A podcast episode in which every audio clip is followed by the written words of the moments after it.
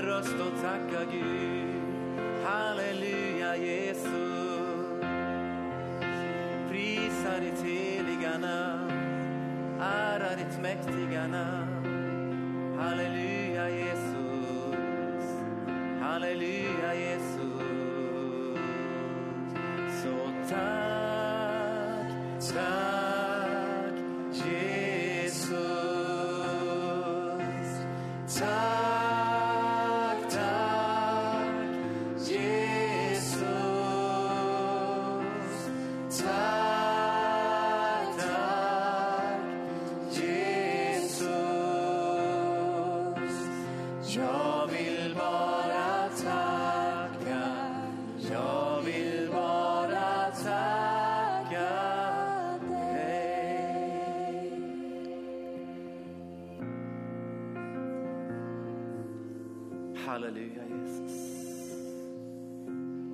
tacksamma från djupet av våra hjärtan.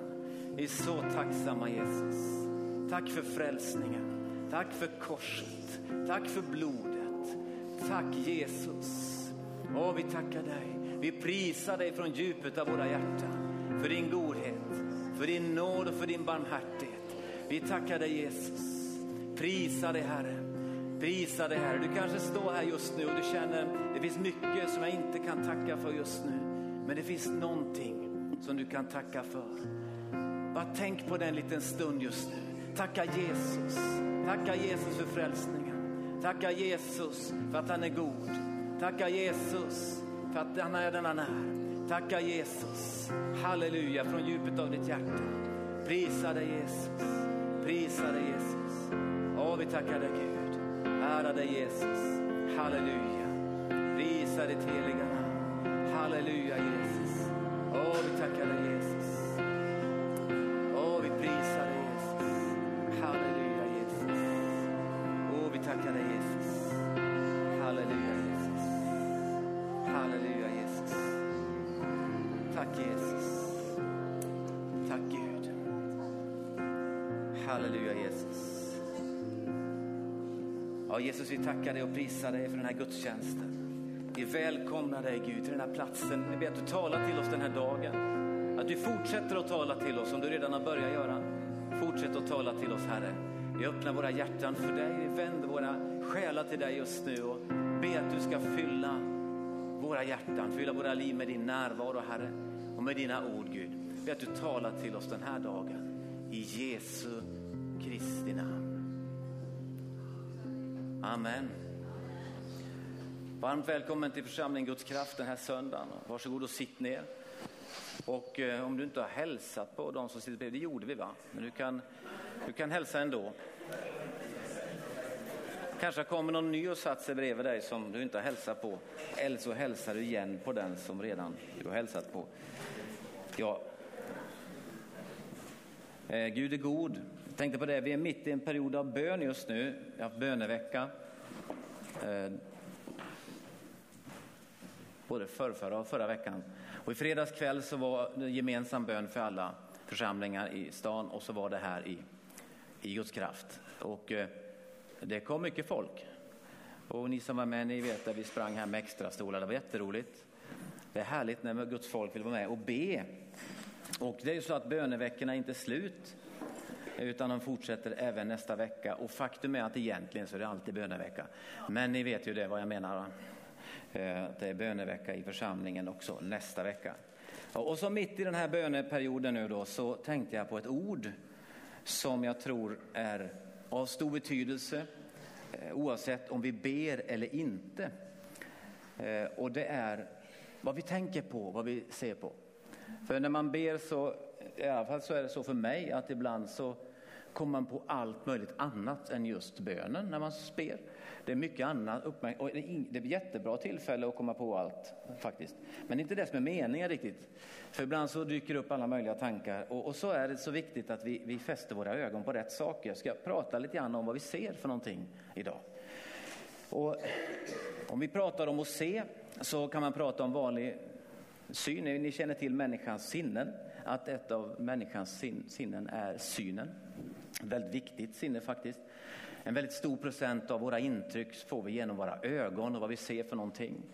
Och eh, synen då är en fantastisk förmåga och är jättestor betydelse för våra intryck. Ibland så ser man saker, ni som har kommit upp en bit i åldern, ni vet att ni har kanske någon stillbild kvar från när ni var eh, små. Någonting ni kommer ihåg, en grej ni såg och så finns det kvar där som ett litet minne hela livet sen. Eh, och, och, så är det med synen, en fantastisk förmåga. Eh, men om vi stannar kvar vid synen så är det en ganska komplex funktion och vissa forskare menar att egentligen är det flera sinnen i ett. Jag ska inte gå in i det nu för det är jag inte tillräckligt kapabel för att lägga ut, men det är bara väldigt intressant. Men vi ska prata lite grann idag också om vad Bibeln menar med att se för någonting. Eh, för att Bibeln har någonting att säga om det. Har ni tänkt på det när man läser Bibeln? Det står, speciellt i den gamla översättningen, se, säger Jesus. Se, jag är med er alla dagar inte tidens slut. Och så vidare. De här uttrycken finns gång på gång i, i Bibeln. Eh, men Bibeln är också full av uppmaningar att vi ska lyfta våran blick. Eh, att vi ska se vad vi ska se på för någonting. Eh, och då så tänker jag så här när jag läser det, om, om Bibeln talar om att lyfta sin blick, är det bara då den fysiska blicken som Bibeln talar om eller finns det en djupare betydelse i Guds ord? Och då ska vi börja med att prata lite grann om den fysiska synen. Eh, ni känner till berättelsen om Abraham i första Mosebok kapitel 13. Vi kommer läsa lite grann i Bibeln idag, men det är väl okej okay här i kyrkan? Va? Man läser lite i Bibeln. Eh, och I första Mosebok 13 så står det ifrån vers 14. Ni känner till Abraham, eller Abram som han heter här. Och eh, han är tillsammans med Lot och de är i det nya landet som de har kommit till. Det börjar bli trångt. De har väldigt mycket grejer med sig och djur och de får inte plats allihopa. Eh, och så bestämmer de sig att vi måste dela på oss här, det här går ju inte. Vi kan ju inte vara tillsammans. Och då så säger Abraham, men du får välja först, säger han till Lot. Och Lot han väljer det finaste området då. Det som han såg för sina ögon såg bäst ut. Jordans slätt. Den var jättefin och den var grönskande och vacker. Man kan se om det i vers 10 där. Så står det att Lot lyfte sin blick och såg, det här är bäst, det tar jag. Och så är det med våra ögon ibland, vi tar det som ser bäst ut, för så fungerar det om du är på Konsum och ska handla äpplen, så tar du de äpplen som ser finast ut. Åtminstone bör man göra det, ibland kommer man med sådana som inte är så fina också. Men det är en annan sak. Men vi fungerar så, Lot han funkade så. Och det var säkert så för Abraham då, att nu har jag bara resten kvar till mig. Vad ska jag göra nu? Men så, så säger Herren till Abraham här i vers 14, sedan Lot hade skilt sig från honom, lyft din blick och se dig omkring från en plats där du står. Från mot norr och söder, öster och väster. Hela det land som du ser ska jag ge åt dig och dina efterkommande för evig tid. Och jag ska låta den bli som stoftet på jorden. Om någon kan räkna stoftet på jorden skall också dina efterkommande kunna räknas. Bryt upp och dra igenom landet i hela dess längd och bredd, till åt dig ska jag ge det.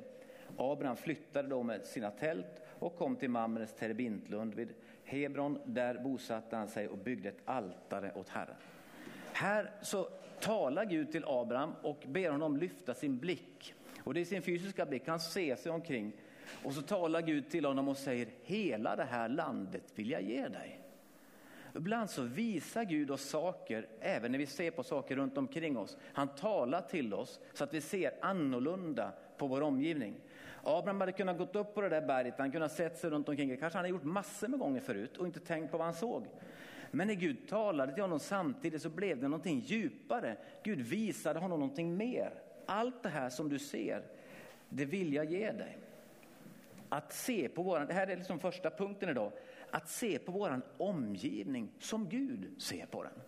Vi, de flesta av oss som är välsignade att ha en syn så vi kan se med våra fysiska ögon, vi ser ju någonting hela dagarna. Och man kan se på en sak på ett sätt. Men sen, ni vet, om Gud får visa en, liksom, men det finns någonting mer i det här än det du ser. Och Gud han vill öppna våra ögon så att vi ser någonting mer. Och det gjorde han med Abraham här. Gud visade honom någonting genom det han såg fysiskt. Gud öppnade hans ögon. Sen talar Bibeln också, förutom den här möjligheten att tala till oss vad vi ser i det fysiska, så talar Gud också om andlig syn, eller andliga syner.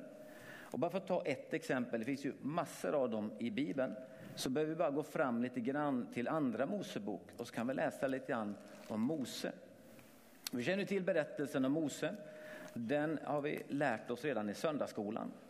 Hur Mose blev räddad på ett mirakulöst sätt. När alla gossebarn egentligen skulle ha dödats så blev han räddad. Han växte upp i faraos hov. Han hade allt som han behövde. Men han tillhörde ju Israels folk. Och han eh, begick ett brott och fick fly rätt ut i öknen. Och där ute i öknen, när han går där och vallar får, man kan ju undra vad han tänkte. Men där han går och vallar får så står det i kapitel 3 andra Mosebok om honom. Han vallade fåren åt sin svärfar Jetro, prästen i Midjan. En gång drev han fåren bortom öknen och kom till Guds berg Horeb. Där uppenbarade sig Herrens ängel för honom i en eldslåga som slog upp ur en buske. Han såg att busken brann av elden utan att busken brann upp. Då tänkte Mose, jag måste gå dit och betrakta den underbara synen och se varför busken inte brinner upp. När Herren såg att han gick upp för att se efter ropade Gud till honom ur busken. Mose, Mose. Han svarade, här är jag. Då sa Gud, kom inte hit, ta av dig dina skor, till platsen där du står är helig. Och han sa, jag är dina faders Gud, Abrahams Gud, Isaks Gud och Jakobs Gud. Då dolde Mose ansiktet och han bävade för att se på Gud. Det här är en andlig syn. Busken brinner ju inte upp. Det står ju inte så jättemycket om det var mer personer där som kunde se det här hända eller inte. Men busken brann ju inte upp. Ändå så såg Mose någonting hända. Gud öppnade honom så han fick se en syn han talade till honom. Och han talade till honom som Abrahams, Isak och Jakobs Gud. Någonting som Mose kände igen trots att det gått flera hundra år sedan de här människorna levde och Israels barn var i fångenskap. Och Gud kallade Mose jag vill att du följer mig, jag vill att du gör de här sakerna. Men hur ska det gå till, säger Mose. Ni känner till de här. Hur i hela världen ska jag kunna alla de här sakerna? Men Gud talade till Mose genom den här brinnande busken och öppnade hans ögon så att han kunde se. Och han skulle föra Israels barn ut ur Egyptens land. De var slavar, men det var inte det som de var ämnade för. De var fångar, det var inte det som var Guds plan. Men Gud talade till Mose och kallade honom att leda Guds folk genom den här synen. Vi känner också till flera andra saker när Mose då ska leda Israels folk genom alla de här olika svårigheterna. Och vi kan inte gå in på alla de sakerna som sker under tiden, men det sker massor med olika saker. Till slut så kommer Israels folk ut till, till Röda havet och där blir de, de fångade mellan Egyptens armé och havet och de kommer mirakulöst ut på andra sidan. Och sen går de omkring i 40 år i öknen. Det är inte en kort stund. Hur många minns vad som hände för 40 år sedan? Ja, men en del av oss gör ju det, för vi har ju levt så länge så vi kommer ihåg det, även om det har bleknat lite. Så är det ju så. 40 år är inte en kort tid. Och de gick där och Mose gick liksom inte omkring ensam, han hade med sig ett helt folk och drog runt där. Och hur var det egentligen som de drog runt? Ja, det står i kapitel 13 och vers 21 till 22. Då står det så här att eh,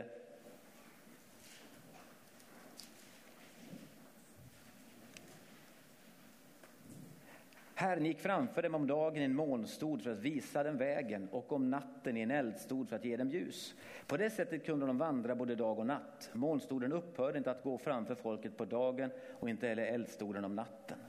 De leddes av vad de såg. Gud visade sig för dem på, på ett sätt som, som kunde leda dem genom den här vandringen. Och jag tycker det är väldigt intressant att läsa också ifrån Hebreerbrevet när det talar om de här trons hjältar, där det beskriver deras olika utmaningar. Och i Hebreerbrevet står det i kapitel 11 om Mose i vers 23. Då går vi in i Nya Testamentet här. Ska jag hitta det själv bara. Hebreerbrevet 11 och 23 så står det om Mose, vi kan läsa lite kort om honom. I tron hölls Mose efter sin födelse gömd av sina föräldrar i tre månader. De såg att det var ett vackert barn och lät sig inte skrämmas av kungens påbud. I tron vägrade Mose som vuxen att låta sig kallas faraos dotterson. Han valde att hellre bli illa behandlad tillsammans med Guds folk än att en kort tid leva i syndig njutning. Han räknade Kristi smälek som en större rikedom än Egyptens alla skatter. Ty han hade sin riktad på lönen. Vad var det han hade för någonting riktat på lönen? Sin, sin blick. Och så står det här vers 27, det är egentligen dit jag bara vilja komma. Genom tron lämnade han Egypten utan att frukta för kungens vrede, därför att han liksom den osynlige. Han liksom såg den osynlige. Man kan tänka att i biblisk bemärkelse så finns också, förutom den första fysiska synen och den andliga synen, så finns det också den här övertygelsen vad vi ser i våra hjärtan. Vad vi vet inom oss. Molnet syntes, eldstoden syntes, men här står det att han liksom såg den osynlige. Men han såg inte Gud hela tiden. Gud gick inte framför honom i egen person, utan i sitt hjärta så kunde han se någonting. Och här är ytterligare en dimension som Bibeln talar om. Förutom den fysiska synen och andliga syner så finns det också hjärtats ögon. Att Gud kan öppna människans hjärtans ögon så vi ser. Bibelns beskrivning av syn är någonting ändå mer än bara en, en, en andlig syn. Jag kan säga att jag aldrig haft en riktig andlig syn. Jag har sett någonting sådär jättefysiskt. Det finns de som har varit med om det, det är fantastiskt. Däremot har jag i mitt hjärta förnimmat eller förnummit hur Gud har liksom sagt eller gjort saker. Vi talar om hjärtats sätt att se. Gud öppnar våra hjärtans ögon. Vi ska bara ta ett exempel till på det här. För det vi ser i det fysiska det påverkar ju våra tankar och vårt sätt att agera och vara. Liksom. Och så är det ju, ni vet ju att det är så. Man påverkas väldigt mycket av sin syn. Hur hög procent de olika, syn, eller de olika sinnena påverkar oss, det ska vi inte gå in i. Men vi vet att det påverkar oss mycket i alla fall. Och i Saltaren kapitel, Saltaren 121 och i vers 1 så skriver psalmisten någonting annat här som är intressant.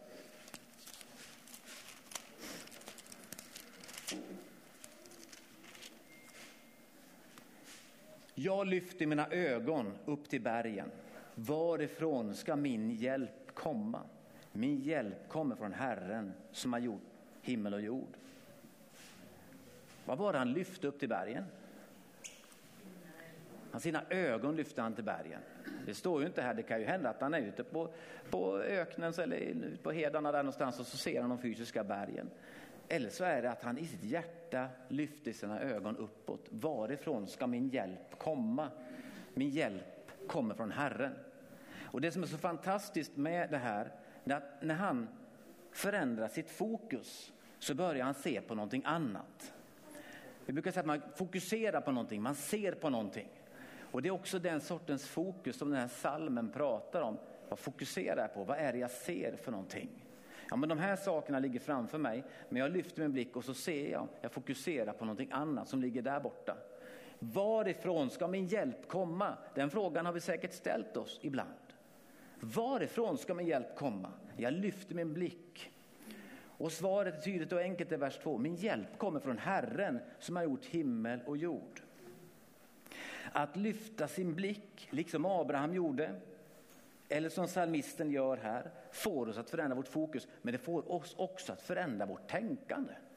Vi förändrar hur vi ser på tillvaron och det förändras också hur vi gör saker. Någonting måste ju ha hänt med Mose till exempel, eftersom han valde att göra hela den här resan med Guds folk. Han såg någonting och det övertygelsen han hade i sitt hjärta, den gjorde att han tog de här stegen. Och på samma sätt är det med oss, att vårt fokus och vårt förstånd förändras när vi får se, när vi får syn på någonting. Inte bara med våra fysiska ögon utan också med våra hjärtans ögon. Ni känner till berättelsen i Bibeln om, om eh, när Paulus skriver eh, om, om, Mos, om, om Israels barn att när Mose kom ner från berget så kunde, så kunde de inte se honom för att Guds härligt strålade så starkt så han hade ett täckelse för sitt ansikte. Ni känner igen den berättelsen. Och så kan det vara för oss också tills Gud tar bort det här täckelset så att vi får syn på någonting. Ibland brukar jag tänka det så fantastiskt, så tacksam för att Gud har öppnat mina ögon så att jag fått syn på honom. Att han har visat sig för mig, för det är precis det som sker. Täckelset försvinner och jag ser någonting. Gud visar sig för oss. Och det är en tacksamhet som vi får ha i våra hjärtan. Vi ska gå vidare lite grann här nu. Vi har nämnt lite olika saker om syn. Så ska vi börja prata lite grann om Jesus. För i synen som, I synen som har funnits i det gamla testamentet så finns ju också uttrycket siare eller profet. Att man ser någonting som ska ske. Och gång på gång i det gamla testamentet, förutom de här synerna som gällde de här situationerna som skedde där och då, så fanns det också förutsägelser om vad som ska ske sen. Och Jesaja är en av de här profeterna som, som förutsäger Jesu ankomst. Och ni undrar var vi är på väg så vi kommer att knyta ihop det här så småningom. Så vi kommer att landa så småningom. Var inte orolig. I Jesaja 9 och 2 så talas det om Jesus. Förutsäger om Jesus flera hundra år innan han föds. Det folk som vandrar i mörkret ska se ett stort ljus. Över dem som bor i dödsskuggans land ska ljuset stråla fram. Vad är det för ljus de ska se? Ja, det talas ju om den kommande Messias. Jesaja ser någonting och han talar ut det. Det ska, ske, det ska komma ett ljus och Guds folk ska komma ut ur sitt mörker och ljuset ska komma till dem. Det talar om hur Messias ska uppenbaras för Guds folk. Han ska komma med frälsning, ljus och hopp. Och det här pratar vi med bibelorden pratar vi ofta om vid julen då. Eh, de är lika aktuella även resten av året. Det står så här, ty ett barn blir oss fött, en son blir oss given. På hans axlar vilar herradömet och hans namn är under, rådgivare, mäktig Gud, evig fader, fridsförste. Så ska herradömet bli stort och friden utan slut över Davids tron och hans kungarike. Det ska bli fästas och stödjas med rätt och rättfärdighet från nu och till evig tid. Herren Sebaots nitälskan ska göra detta. Här kommer ett löfte om Jesus. Någonting ska ske. Jesaja ser någonting och han talar ut det. Ibland kan vi se saker också i våra hjärtan och vi tänker att det ska gå i fullbordan nu. Och så gör det inte det. Och när det inte sker här och då så kan vi tappa lite grann, eh, hur ska jag säga, hoppet. Men då måste vi fortsätta att lyfta vår blick och vi måste låta Herren visa oss gång på gång.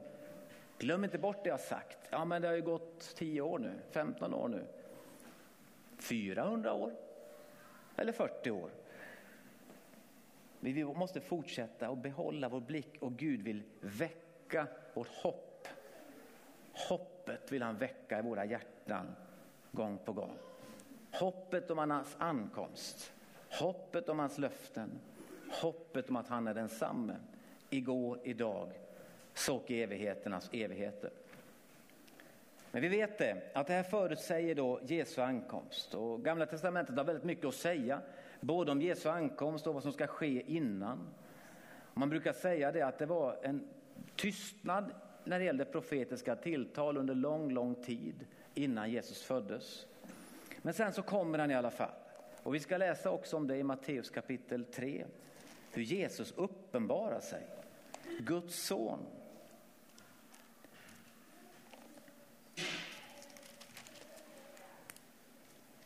Det står om Johannes döparen. Och så citeras det ett ord från just Jesaja om honom. Vid den tiden trädde Johannes döparen fram och predikade i Judeens öken och sa omvänd er till himmelriket är nära. Om honom heter hos profeten Jesaja en röst ropar i öknen, bana väg för Herren, gör stigarna raka för honom. Det är precis som att det finns tider och stunder för saker och ting. Så det profetiska ordet som kom då 400 år tidigare så behövde det vara en process och en förberedelsetid. Och när tiden är inne så sänder Gud sin son, född av kvinna och ställd under lagen. Och så är det lite grann med Guds timing också. Och du och jag behöver fortsätta ha vår blick på hans löften och se på honom genom de här olika processerna i våra liv, våra omständigheter och i våra bönekammare.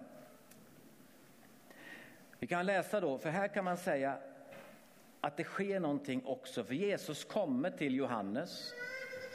Det står i vers 13 att Jesus kom från Galileen till Johannes Jordan för att döpas av honom.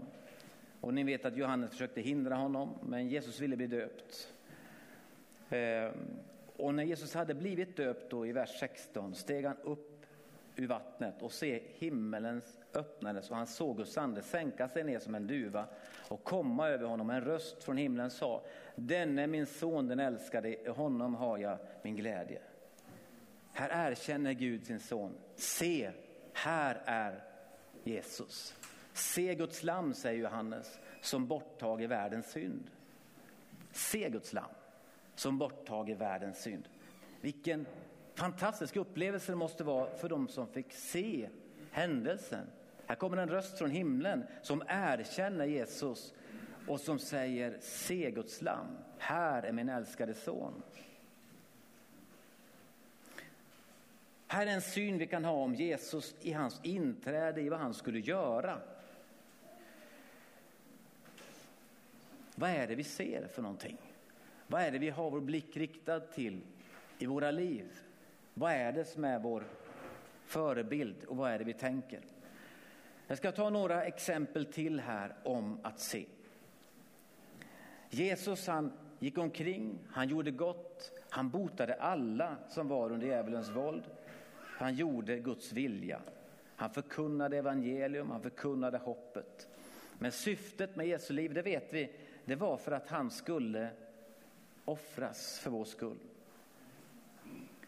Och det finns ett uttryck som Pilatus säger i Johannes kapitel 19.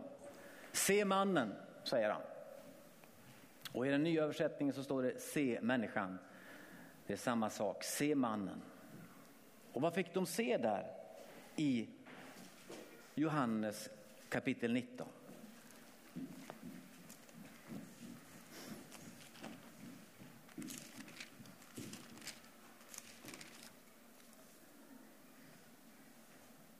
Att Jesus kom ut klädd i törnekronan och purpurmanteln och Pilatus sa till dem, se människan. Är det en segrare som vi ser här? Ja, vi vet ju att Jesus besegrade döden genom sitt död på korset, sin uppståndelse. Men just i den här stunden där han står med törnekronan, sönderslagen, besegrad. Ja, egentligen inte, för där ser det ju väldigt mörkt ut. Det ser ut som att det inte kommer att gå. Har det sett ut för dig någon gång som att det inte kommer att gå? Har du någon gång varit i ditt liv på en plats där du har känt att det kommer inte att gå? Det här kommer inte att funka, det kommer inte att komma vidare härifrån. När Jesus var vid korset så om vi ser på honom så ser han inte ut som segerherren. Han ser inte ut som den som är kungarnas kung. Han ser inte ut som den som kommer att vinna seger. Men Guds ord kan inte bli om intet.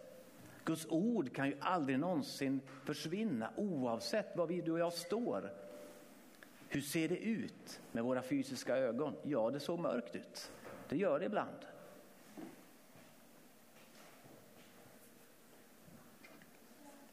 Hur ska det här gå? Det är omöjligt. Det är precis det det är och det är det som är så fantastiskt. För då kommer man till en plats. Gud, jag ropar till dig. Och den dagen man kommer till den platsen är då som han kan få komma in och göra någonting.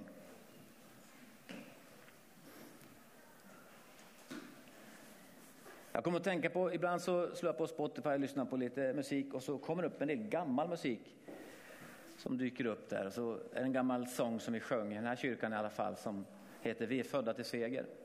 Och så på engelska är det We are destined to win. Den, den jag lyssnar på den engelska versionen, en fantastisk text. Men vad är det? Vad är seger för någonting egentligen? Är segern när allt är perfekt? Är segern när ett hockeylag har vunnit med 7-0? Om man ser på totalen, vad är seger för någonting? Seger är när Guds vilja får ske. Segern är att våra namn är skrivna i Livets bok. Segern är vem vi tillhör.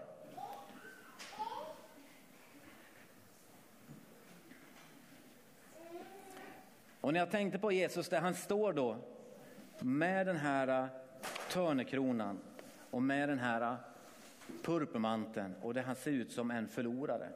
Lärjungarna såg honom. Nu är det kört. Han kallade oss vid, vid vattnet där nere, vi skulle följa honom, men nu är det kört. Nu kan vi gå tillbaka till fisket igen och det gjorde de ju också. För allting såg ju mörkt ut. Det här kommer aldrig gå. Men det var en mörk dag. Och en gammal sång av Matthew Ward så sjunger han så här. Bring me to the cross, heaven's darkest saddest day, where the blameless lamb of God can wash, wash all my sins away.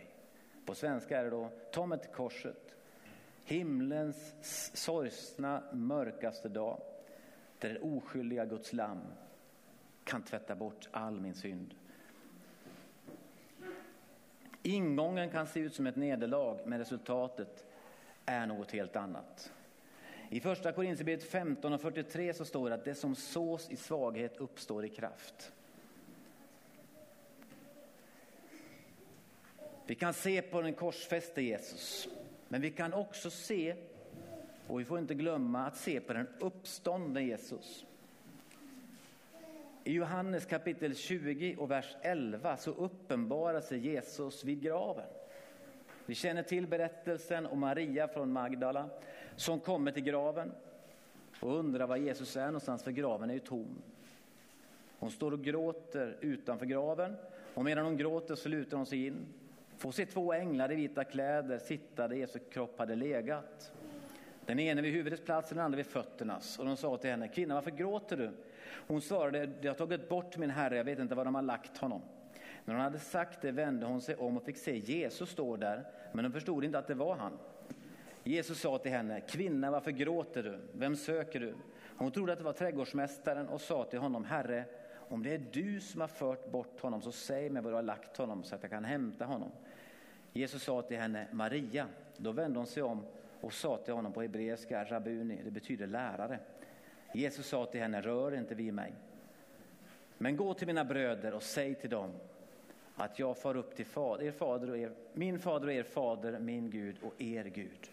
Och Jesus visade sig gång på gång under 40 dagar för lärjungarna, för de som hade följt honom, visade sig som den uppståndne frälsaren. Här är han inte heller längre den lidande Kristus. Han är inte längre den som ser ut att ha förlorat. Han har visat sig vara den som har segrat över döden. Och han visar sig så att lärjungarna kan se honom. Och de ser honom med sina fysiska ögon och han visar sig för dem gång på gång. Han undervisar dem och han ger oss hopp. Och nu kommer vi då till frågan. Vad ser du? Frågan ställs till oss idag. Vad ser du? Vad fokuserar du och jag på? Vad tänker vi på? Någonting som faktiskt har stor betydelse för våra liv, vart vi går och vad vi gör. Jesus är inte längre Jordan och döps av Johannes. Han är inte längre heller vid korset med törnekronan och purpurmanteln. Han är inte heller vid graven där han är uppstånden och är på väg till Fadern. Låt oss läsa om Jesus i Uppenbarelseboken kapitel 1.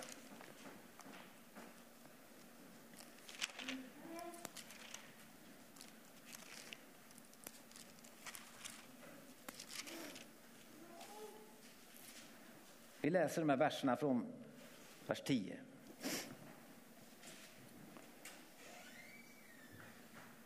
På Herrens dag kommer jag anden. Och här är ju en andlig syn då.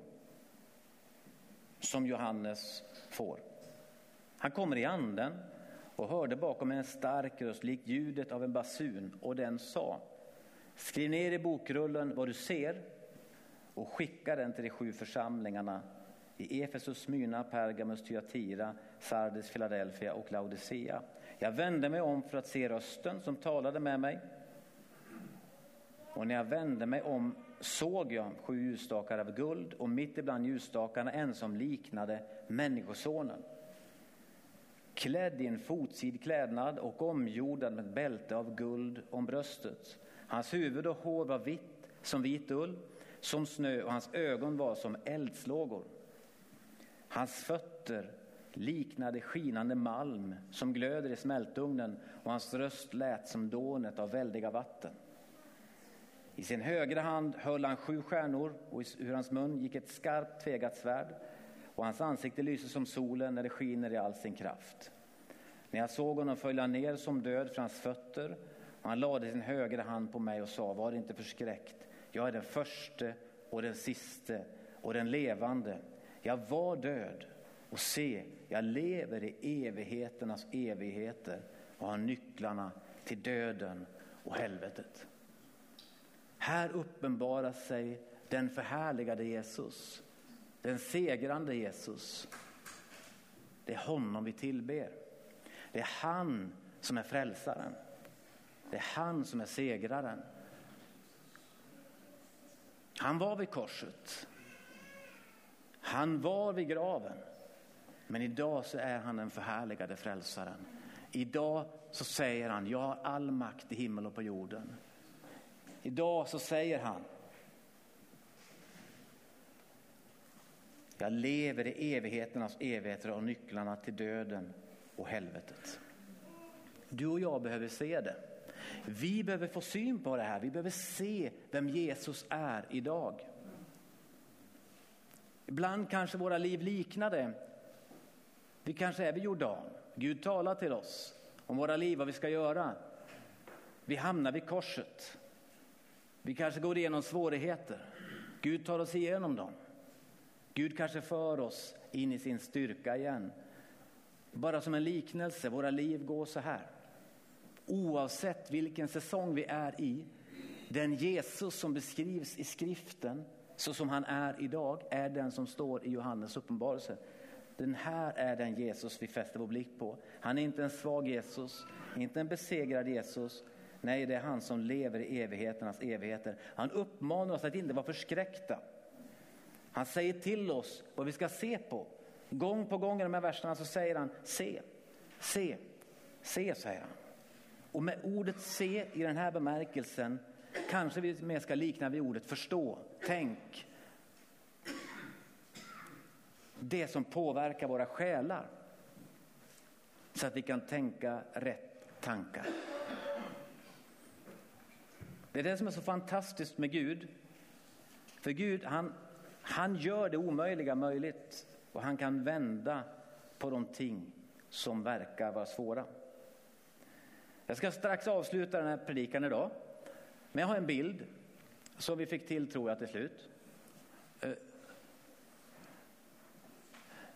det står en text där. Det står svensk transfer, men det står också kalibrera i tid. Är det någon som har sett en sån här bild någon gång? En sån där affisch sitter på mitt jobb, mitt kontor där jag jobbar. Jag jobbar med mätning. Och då är det så här att alla mätdon som vi har och använder i vår verksamhet, de mätdonen får man inte använda om de inte är kalibrerade. Man får inte använda dem i produktion om de inte är kalibrerade. Därför ett okalibrerat mätdon kan man inte veta om det mäter rätt. Eh, i den här bilden så tror jag, det kanske inte var det, men en annan bild så var det, jag tar ett exempel på ett skjutmått till exempel. Om man mäter någonting med ett skjutmått och man ska mäta någonting som är 5 mm och skjutmåttet visar 5,0. Men om det är något fel på det skjutmåttet så i själva verket så är måttet 5,2 säger vi. Då är ju alltså det här måttet utanför tolerans, för toleransen är plus minus 0,1. Okej, okay. bara lite snabbt. Och då funkar det så att då kan någon stå och mäta med det skjutmåttet och mäta, och det är jättebra, allting är kanon, jag bara lägger ner det här och skickar iväg det. Men egentligen är det måttfel på alltihop. Därför att skjutmåttet visar fel. Därför så behöver man kalibrera. Då använder man olika eh, metoder för att göra det. Man kontrollerar mot andra saker som i sin tur är kontrollerade för att man ska få rätt resultat. Och det är jätteviktigt för att det överhuvudtaget ska fungera i slutändan. Och kalibrera i tid det betyder egentligen att vid en viss frekvens så ska man kalibrera ett visst mätton på ett visst sätt för att man ska vara säker på att det visar rätt. Och visar det fel får man antingen justera det eller kassera det då. Och vad, vad menar du med det här? Vad har det här med predikan att göra säger du då? Jo, det har i högsta grad jättemycket med det här att göra. För du och jag behöver kalibrera våra hjärtan. Vi behöver låta våra hjärtan och våra sinnen kalibreras med Gud, med Herrens ord, så att vi kan se rätt saker. Och vi behöver göra det i rätt tid. Vi behöver göra det med jämna mellanrum så att vi kan se det Gud ser. Så att vi kan lyssna vad Gud säger. Har du haft en vaxpropp någon gång i örat? Om vi frångår synen och pratar om öra istället. Någon som har haft en vaxpropp någon gång? Det är jättejobbigt. Det tjuter i huvudet och man hör bara med ena örat. Man råkar inte lyssna på musik eller någonting annat heller för det är jättekonstigt. För man rensar ur den då så hör man plötsligt allt möjligt som man inte har hört innan. Man hör alla möjliga ljud och diskantljuden är mycket starkare och allting. Vi behöver få våra öron rensade. Vi behöver få våra ögon liksom öppnade. Vi behöver kalibrera våra hjärtan. Vi behöver få möta Herren. Vi behöver läsa hans ord och han vill visa sig för oss. Vi kan vända oss till honom. Han har sagt det. Jag står här. Kom till mig, säger alla ni som arbetar och är betungade, så ska jag ge er ro. Han finns där för oss. Vi ska avsluta nu. Jag ska bara läsa ett bibelord till när vi ändå är i, i Uppenbarelseboken. Så står det i vers 18 så här. Eh, I kapitel 3 var det visst.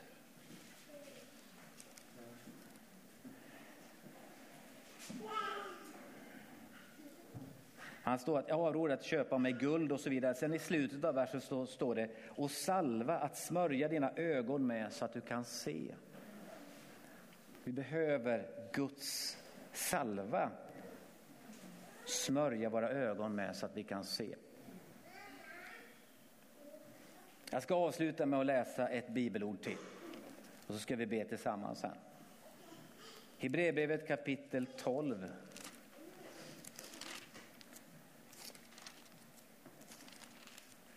Det här läste jag i morse och det här är liksom på något vis ett bibelord man har läst ganska ofta.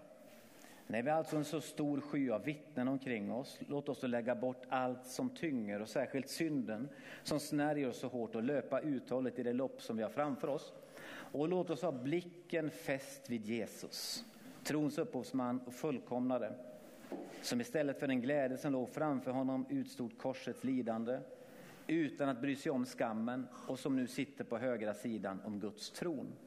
Tänk på honom som måste uthärda sådan fiendskap från syndare, annars tröttnar ni och tappar modet. Så låt oss tänka på Herren. Låt oss se på Jesus och låt oss komma till Herren. Vi kan väl ställa oss upp tillsammans och så ber vi en liten stund. Och lovsångerna ni kan väl komma fram och så kan vi väl sjunga någon lovsång här på slutet också. Men innan vi gör det så kan vi be lite grann också. Tack Jesus. Herre, vi bara vill lyfta vår blick den här morgonen och vi ber Herre att du ska visa oss din väg för våra liv. Oavsett vad vi står i just nu så vill du visa oss din väg. Tack Jesus att du vill smörja våra ögon så vi kan se och du vill öppna våra öron så vi kan höra och du vill visa oss din väg. Tack för att du är god, nådefull och barmhärtig. Att vi får komma till dig i alla livets skiften oavsett vad vi står i, vad vi är. Om allting går lätt eller om det är tungt så är du där Herre. Och du lämnar aldrig och du överger aldrig när du finns där hela tiden. Prisa ditt heliga namn Jesus. Vi kan väl göra så att du bara lägger din hand på den som står bredvid dig och frågar om du får be lite för dem. Så tar vi en liten bönestund här och ber för varandra. Och det kan ju hända att det finns ett speciellt behov. Kanske finns det en utmaning. Kanske finns det någonting som är tungt. Du kanske vill berätta om det eller inte berätta om det, det spelar ingen roll. Jesus vet om det redan och så bara ber vi tillsammans. Herre, vi bara ber att du kommer just nu i den här stunden med din kraft, med din styrka, med din förmåga och med din glädje. Jesus, vi ber att du just nu ska lyfta av bördor, att du ska öppna våra ögon så att vi kan se. Vi kan se dig, Herre, och att vi kan förnimma dina planer, Gud. Jesus, vi ber dig att du ska belysa våran stig. Det står i Guds ord att ditt ord det belyser våra, våran stig. Tack att du vill belysa våra stigar just nu där vi går fram. I Jesu Kristi namn. Och du lyfter av bördor i Jesu namn. Och alla besvikelser. Du lyfter av besvikelser i den här stunden. Och Gud att du ger kraft att ta frågor och att lägga dem åt sidan i Jesu namn. Och få syn på dig. Vi tackar dig Jesus. Och vi prisar dig Herre. Vi tillber dig Gud. Jesus vi prisar dig. Och vi tackar dig Herre. Prisa dig Gud. Prisa dig Gud. I Jesu Kristi namn. Bara be för det här året 2024 just nu. Bara be att det får vara ett år Herre. Där vi får vandra på din väg. Och där vi får syn på dig Jesus. Där du får öppna våra hjärtans ögon. Så att vi kan se dig Gud som du är. Halleluja, vi ber att det året får vara ett år Gud när du använder oss, precis som Rickard sa tidigare i mötet, att det ett år när du använder oss Herre, att förmedla ditt hopp och ditt ord till människor som finns runt omkring oss. Tack Jesus, prisa dig Herre för dina planer för det här året, för var och en Jesus, för vårt land Herre, våra församlingar Herre. Jesus vi tackar dig och vi prisar dig Gud. Prisa dig Gud, prisa dig Gud. Tack att du är våran läkare också. Om du är här idag och har sjukdom i din kropp. Gud, bara komma med styrka och läkedom till dig just nu. Tack för läkedom Herre. Läkedomsström just nu från himlen. Du lyfter av bördor. Huvudvärk får lämna Jesu Kristi namn. Värk i kroppen, svaghet i kroppen, trötthet i Jesu Kristi namn. Du bara ersätter det med din styrka. Du ersätter det med din kraft. Du ersätter det med din läkedom Herre. Just nu i Jesu namn. Tack att du lyfter av missmod just nu. Du lyfter av uppgivenheten Gud. I Jesu namn, tackar du den som helar relationer Gud. Att relationer helas i den här stunden. Mellan i familjer eller mellan människor. Herre så helar du relationer. Och den som har det tungt på sin arbetsplats just nu. Gud du kommer med lösningar Herre. Lösningar i den här stunden i Jesu namn. Lösningar för arbetssituationer Gud. Tack Jesus. Tack Jesus.